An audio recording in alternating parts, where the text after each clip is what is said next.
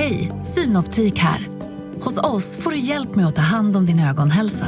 Med vår synundersökning kan vi upptäcka både synförändringar och tecken på vanliga ögonsjukdomar. Boka tid på synoptik.se. Makrorådet presenteras i samarbete med Lendify. Genom att investera i lån till kreditvärdiga låntagare kan du bredda din portfölj med en ränteplacering som inte korrelerar med börsen. Den genomsnittliga årsavkastningen de senaste 12 månaderna har varit cirka 6% efter kreditförluster och avgifter. Lendify har tillstånd från Finansinspektionen och några av landets främsta institutioner och entreprenörer som investerare. Läs mer på lendify.se. Hej och välkomna till Makrorådet, Dagens Industris podd för de som är intresserade av de riktigt stora ekonomiska frågorna. Idag, eh, som vanligt, så har vi två eminenta gäster som har järnkoll på dessa grejer, nämligen eh, Swedbanks chefsekonom Anna Breman och Nordeas chefsanalytiker Andreas Wallström. Varmt välkomna hit. Tack så mycket. Tack för det. Jag heter Johanna Jansson och jag ska försöka styra då mellan allt från eh, historik och eh, till valutor och sen så förstås eh, era spaningar och det som man ska hålla koll på i veckan som kommer. Om vi börjar med det här med historiken. Ehm, jag undrar nämligen så här. Om ni från ett makroekonomiskt och liksom geopolitiskt perspektiv skulle jämföra läget idag med en tidigare period. Kan ni dra paralleller med någonting som ni ser idag när det gäller... Ja, det är så mycket som händer. Donald Trump och det är eh, Facebook och det är annat. Så. Har vi varit i en liknande situation? Anna, vad, säger, vad tänker du? Jag tyvärr eh, kan dra paralleller till 30-talet. Och det kommer ifrån att den här finanskrisen som slog till för tio år sedan. Eh, på global i västvärlden så var ju det den djupaste krisen sedan 30-talet.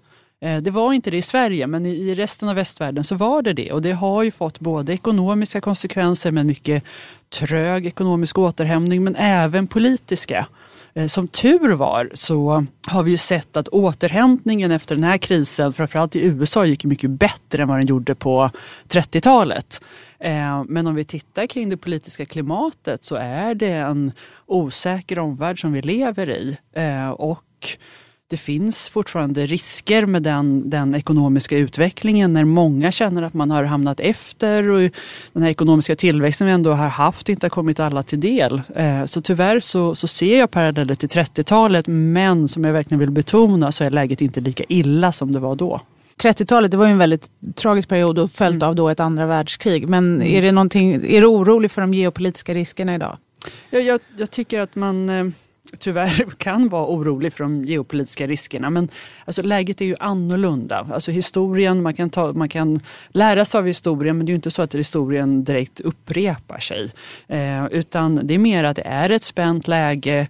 Eh, det är ett läge då man behöver förstå hur mycket politiken även påverkar den ekonomiska utvecklingen och då hamnar man ju även i geopolitik. Mm. Eh, så jag, jag, tycker att geopolitiska spänningar ska man ta men vi är ju inte alls i den situation då man var på 30-talet. Mm. Då hade man ju bland annat kraftiga handelshinder som bidrog till att ekonomierna gick dåligt och så hade man väldigt felaktiga policybeslut som gjorde att många människor hamnade i en dålig situation och så röstar man politiskt på ett sätt som sen fick väldigt djupa, grava, hemska konsekvenser och vi är inte där idag. Vad tänker du Andreas? Drar du sådana här, när ni sitter i prognosmöten på Nordea, sitter ni och drar paralleller till historien? Och... Ja, jag, jag tror för vissa delar är mycket av den, det finns liksom alltid, en, eh, alltid skäl att oroa sig kan jag tycka. Men eh, Samtidigt så eh, det finns ju, många har ju en, en tendens att vilja se mönster historiskt och, och använda det som, som ett prognosverktyg. Och det, det, tror jag, kanske just som prognosmakare har man inte så jättestor nytta av att titta i backspegeln faktiskt. Utan eh, ofta så är det så att de kriser som dyker upp är nya och oförutsägbara. Sen finns det absolut likheter med till exempel 30-talet, det, det håller jag med om. Och inte minst kanske politiskt. Eh, men även där så ser ju liksom dagens globalt så, så ser det väldigt mycket annorlunda ut. Till exempel så kanske det största globala hotet är Mellanöstern idag. Och, Um, det känns inte lika påtagligt hot i Europa åtminstone mm. som det gjorde då. Och, sådär. och ekonomiskt så är vi såklart i en helt annan verklighet än vad vi var då för 80 år sedan. Men det är ju, eh, med, med globalisering och digitalisering. Så jag vet inte, jag, jag, tycker kanske inte det är så att man har jättemycket nytta av det faktiskt genom att göra prognos, när man gör prognoser. Mm. Precis. Är du mer, mindre rädd för de geopolitiska riskerna idag? Än, 30, eh, än många andra? Ja, men om du skulle jämföra dig med, är du orolig för geopolitiken idag eller inte? Eh, det är jag, men det är klart att jag är, jag är faktiskt eh, optimist sådär i grunden och det, det, det, ska man ta med sig. Så jag har en positiv bias som man kanske ska justera för när man lyssnar på mig då. ja men det kan ju vara trevligt också. Ja något som det kanske är lite svårare att vara positiv kring just nu, eller det vet jag inte, men många i alla fall, det är den svenska kronan. Den får nämligen mycket pisk från alla håll och kanter. Även om den eh, liksom har stabiliserades ett tag för någon vecka sedan här runt 10,50 så har den nu återigen försvagats och ligger när vi pratar här i poddstudion på 10,60 mot euron. Mm. Och det är en historiskt svag krona. Det är svagt både i ett historiskt eh, eh, perspektiv och både ett långt och kort historiskt perspektiv. Vad räknar ni egentligen med för kronutveckling framöver? Ni gör ju prognoser löpande. Anna, ni har en uppdaterad prognos. Vad har ni för prognoser för kronan här till sommaren och resten av året? Ja, vår makroprognos är en hel månad gammal drygt. Eh, och då stod ju kronan på 10 och 11 när vi gjorde prognosen. Eh, och då hade vi en syn att kronan skulle stärkas något, även om vi diskuterade ingående, kommer kronan verkligen att stärkas? Men den synen byggdes ju på att eh, vi såg en möjlighet att Riksbanken skulle långsamt börja höja räntorna och nu Eh, signalerar de en, en väldigt stor försiktighet, vilket vi visserligen trodde på, men kanske ännu mer. Eh, så att vi hade en syn att kronan skulle kunna stärkas ner mot ehm, eh, 9,90 mot euron, men detta ter sig allt mer osannolikt i dagsläget. Så att eh, jag skulle vara, nog säga att vi förväntar oss i närtid att kronan kommer Ja, det kan ju få självklart stärkas från de här nivåerna men den förblir på en svag nivå eh, i närtid. Andreas, har ni någon uppdaterad kronsyn? Ja, vi har en, eh, vår senaste prognos är en knapp månad gammal. Eh, och, eh, ja, men den stora bilden är att vi tror på en fortsatt svag krona. Vår officiella prognos är till exempel i och för sig att eurosek ska gå ner till 10 kronor eh, om tre månader. Men pratar man med våra växelkursanalytiker så finns det ingen eh, stark conviction eh, om den förstärkningen. Vad betyder det då att kronan är så svag? Spelar, alltså, förutom det här enkla då som vi vet att Riksbanken vill få upp den inhemska inflationen ja. och importpriser. Och så här. Men har det några andra effekter? Ja, det, men det handlar efter mycket om hur pass bestående den här försvagningen är. Men det är klart att eh, i stort så är det ju så att en svagare krona gynnar exportindustrin och missgynnar importindustrin och missgynnar oss konsumenter. Eh, det blir såklart dyrare att semester utomlands till exempel och också då handla utomlands. Så att, eh, det, det kommer ju ske en omfördelning där då av resurser helt enkelt om eh, kronans svaghet består. Vill du fylla i någonting när det gäller kronan? Är det liksom, har vi hamnat i ett eh, Kommer den någonsin kunna gå ner mot de här nivåerna som man spådde förut som var nära 9 kronor mot euron? Jo men alltså egentligen, alltså historien är ju ändå en eh, bra ha som referensram även om man inte ska tro att den repeterar sig. Men vi får ju alltid vara medvetna om att det är större rörelser än vad man kortsiktigt kan tänka sig. Om vi för två år sedan hade sagt att vi skulle få en krona på 10,60 då hade folk sagt, sagt en sannolikhet på kanske mindre än en procent på det. Men sen så händer det saker. Det har ju varit Riksbanken, det har varit risk, den här oron för handelshinder som har påverkat kronan, eh, svensk bostadsmarknad. Så det kan, ju, det kan ju hända saker, det kan komma chocker som går åt andra hållet. Så det måste man alltid ha med sig och just valutamarknaden är den marknaden som rör sig mycket och som vi vet är väldigt svårt att prognostisera. Vi vet ja. det. Så att jag tycker ändå att man ska ha med sig, såklart det kan gå snabbt åt andra hållet igen, men just nu ser det mest sannolika ut som att det kommer, kronan kommer ligga kvar på svaga nivåer i närtid, för det finns få saker som ger stöd. Men saker har hänt tidigare, det har gått snabbt åt båda andra hållen, vilket gör att kronan kan ju försvagas ännu mer från dagens nivåer. Mm. Det kan det. Vi får se. Ja, för det blir miss ja. Får jag lägga till där bara, jag, det kan absolut gå lite hur som helst. Men mm. ett argument möjligtvis för en kronförstärkning är just att peka på hur exceptionellt svag den är idag. Jag roade mig här på morgonen att titta på lite på Eurosec eh, de senaste hundra åren. Då. Eh, och då är det så, om man undantar finanskrisen för tio år sedan ungefär, så får man gå tillbaka till 1919 för att hitta en lika svag krona. Så det är nästan hundra år.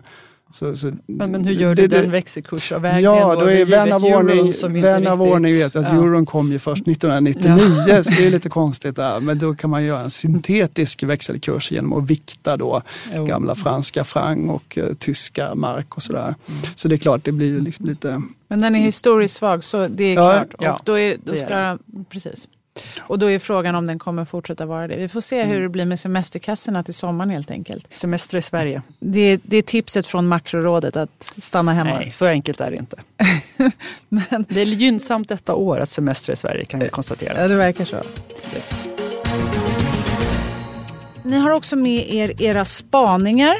Anna, jag vet att du har med dig en spaning som handlar lite om, eller som kan tangera just det här med växelkurser och det som vi är inne på, export och import här. Mm handlar om handel. Berätta. Ja, eh, vi har ju sett en vår när oron för eh, handelskonflikter, eh, det är USA som har drivit det här.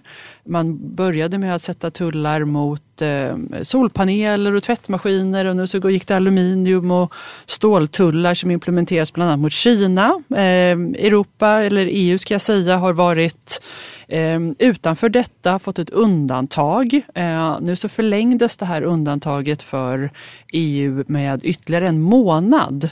Men det är ju så att på längre sikt så är det inte helt klart ännu att EU blir undantaget och det här har ju skapat en oro på marknaden. Det har varit en av anledningarna till att kronan har gått svag här i början av året. Och det jag tänkte är det, hur, hur påverkar det här? Vad är det, vilken, vilken effekt har risken för ett handelskrig på ekonomin?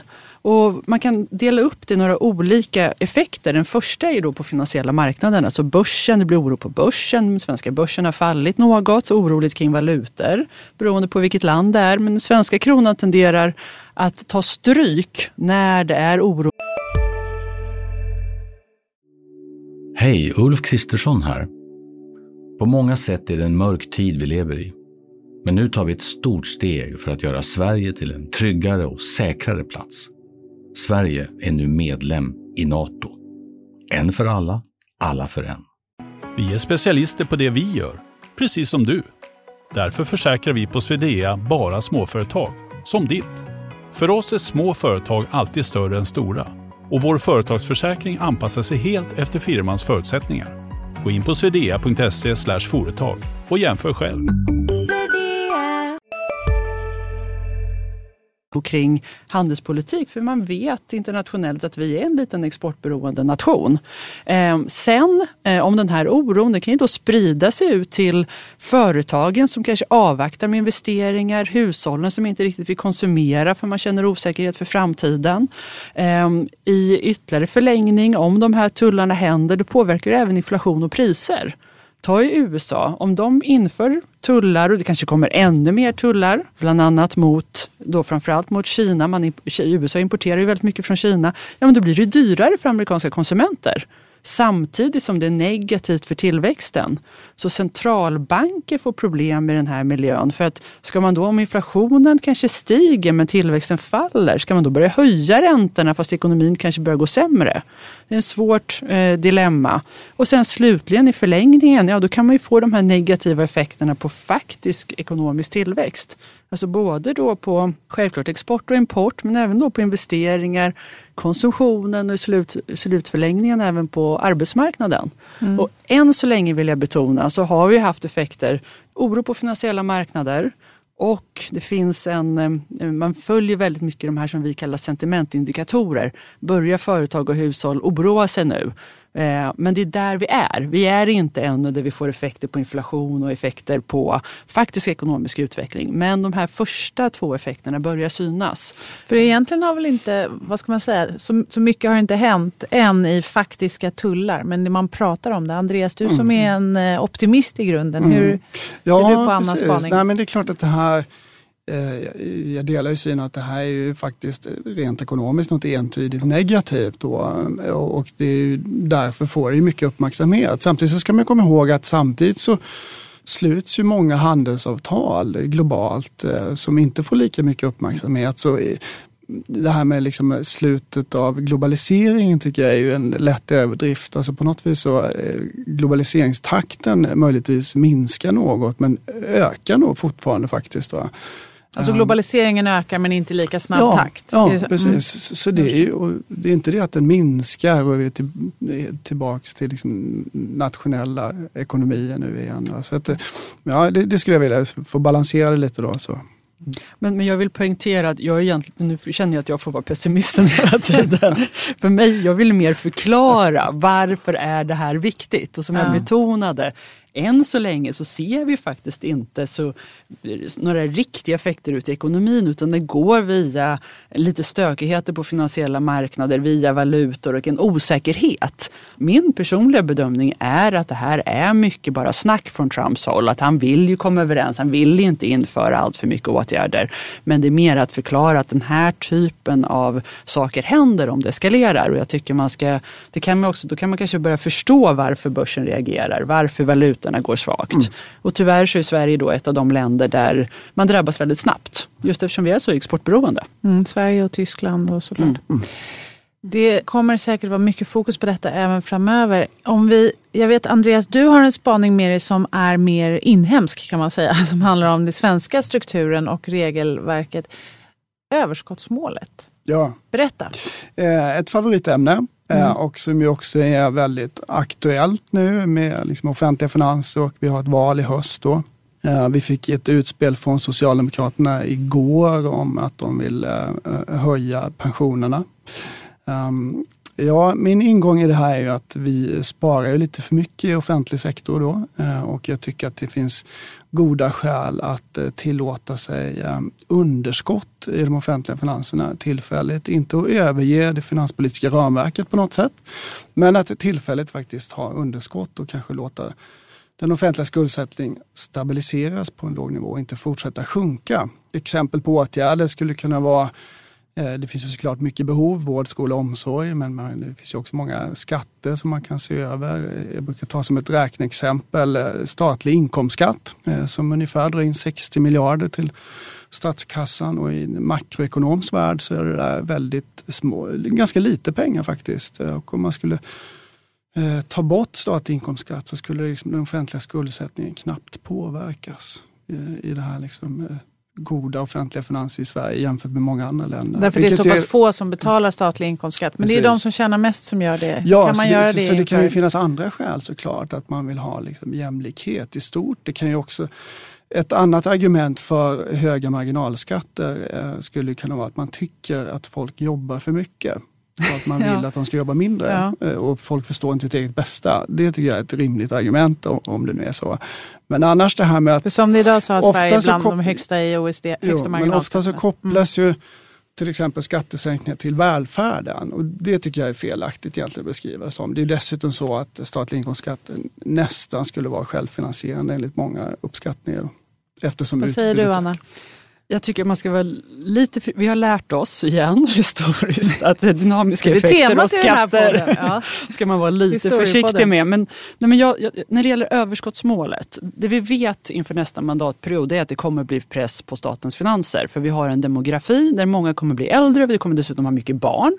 Så att eh, det kommer vara utgiftsdrivande. Vi kommer dessutom ha ett, förmodligen ett svårt parlamentariskt läge vilket gör att man måste komma överens för att bilda en regering. Och i ett sånt läge kan jag se att det blir blir utgiftsdrivande. Alltså det blir för ofta att det. Komma... Studier visar att Precis. svagare regeringar Ja, man måste helt enkelt kompromissa och ett sätt att kompromissa är att alla får några av sina favoritidéer och det tenderar då att kanske driva på statens utgifter. Mm. Det tycker jag dock inte är ett argument för eh, att gå ifrån överskottsmålet för att i, just ett överskottsmål från, för svenskt perspektiv, vi fick ju det efter 90-talskrisen, har varit otroligt lyckosamt när, när det gäller hur väl förberedda vi var när finanskrisen slog till 2008.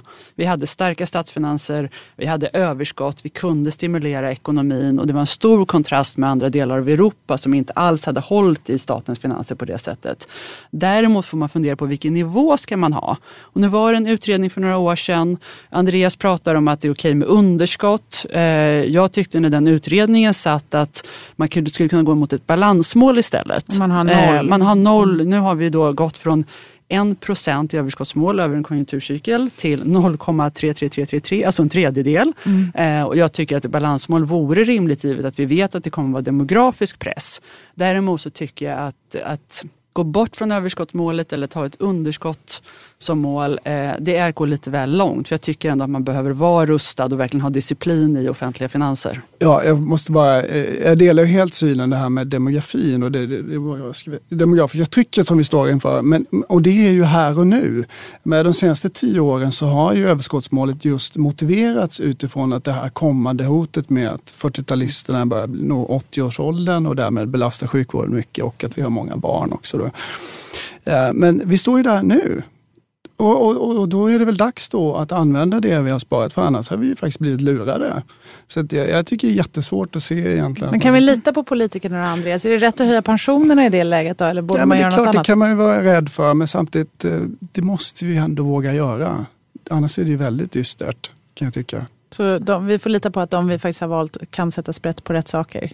Ja, att Ja. de gör rätt strukturåtgärder som ekonomerna vill se. Ja, precis. Ja, spännande.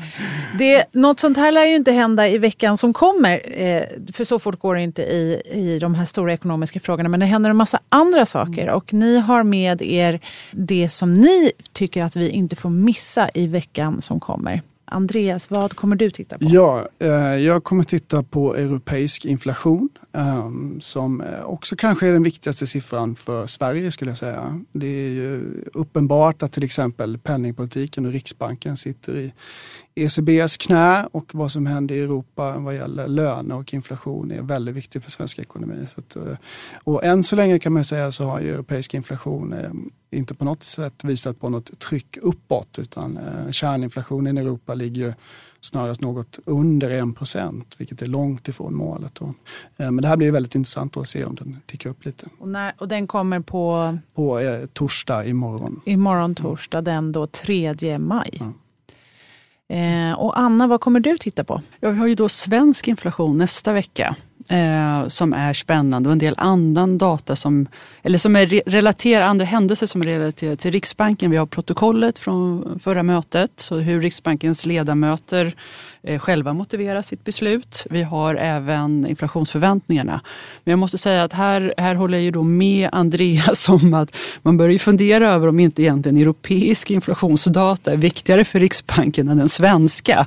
Det senaste eh, penningpolitiska mötet lyfte man faktiskt redan i pressmeddelandet europeisk inflation.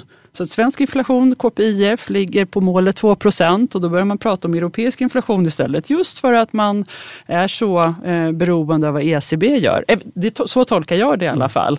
Eh, så jag tycker det är lite eh, intressant läge när eh, Sverige har en inflation nära målet men man kanske då avvaktar att även Euro- Europa ska få det. Men då hamnar man i en situation man kanske får vänta väldigt, väldigt, väldigt länge. Ja, vi får se. Vi behöver inte vänta fullt så länge tills eh, eh, vi träffar makrorådet igen. Eh, Den, det, makrorådet ses varannan vecka och eh, vill ni ha DIs poddar tills dess så kan ni även lyssna på Analyspodden som kommer på fredagar och podden Förnuft och känsla samt Digitalpodden. Eh, och med det så säger jag tack så mycket för den här gången till Andreas och Anna. Tack och så välkomna mycket. åter. Så mycket. Makrorådet från Dagens Industri. Podden klipps av Umami Produktion. Ansvarig utgivare Lotta Edling. Makrorådet presenteras i samarbete med Lendify. Genom att investera i lån till kreditvärdiga låntagare kan du bredda din portfölj med en ränteplacering som inte korrelerar med börsen. Den genomsnittliga årsavkastningen de senaste 12 månaderna har varit cirka 6% efter kreditförluster och avgifter. Lendify har tillstånd från Finansinspektionen och några av landets främsta institutioner och entreprenörer som investerare. Läs mer på lendify.se.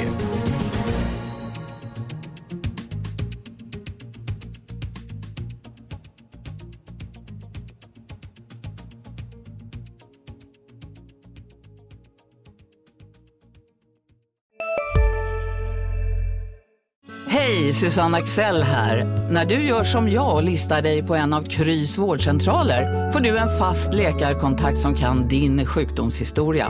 Du får träffa erfarna specialister, tillgång till lättakuten och så kan du chatta med vårdpersonalen. Så gör ditt viktigaste val idag, lista dig hos Kry. Ska några små tassar flytta in hos dig? Hos Trygg Hansa får din valp eller kattunge 25% rabatt på försäkringen första året. Läs mer och teckna djurförsäkringen på trygghansa.se. Trygg Hansa, trygghet för livet.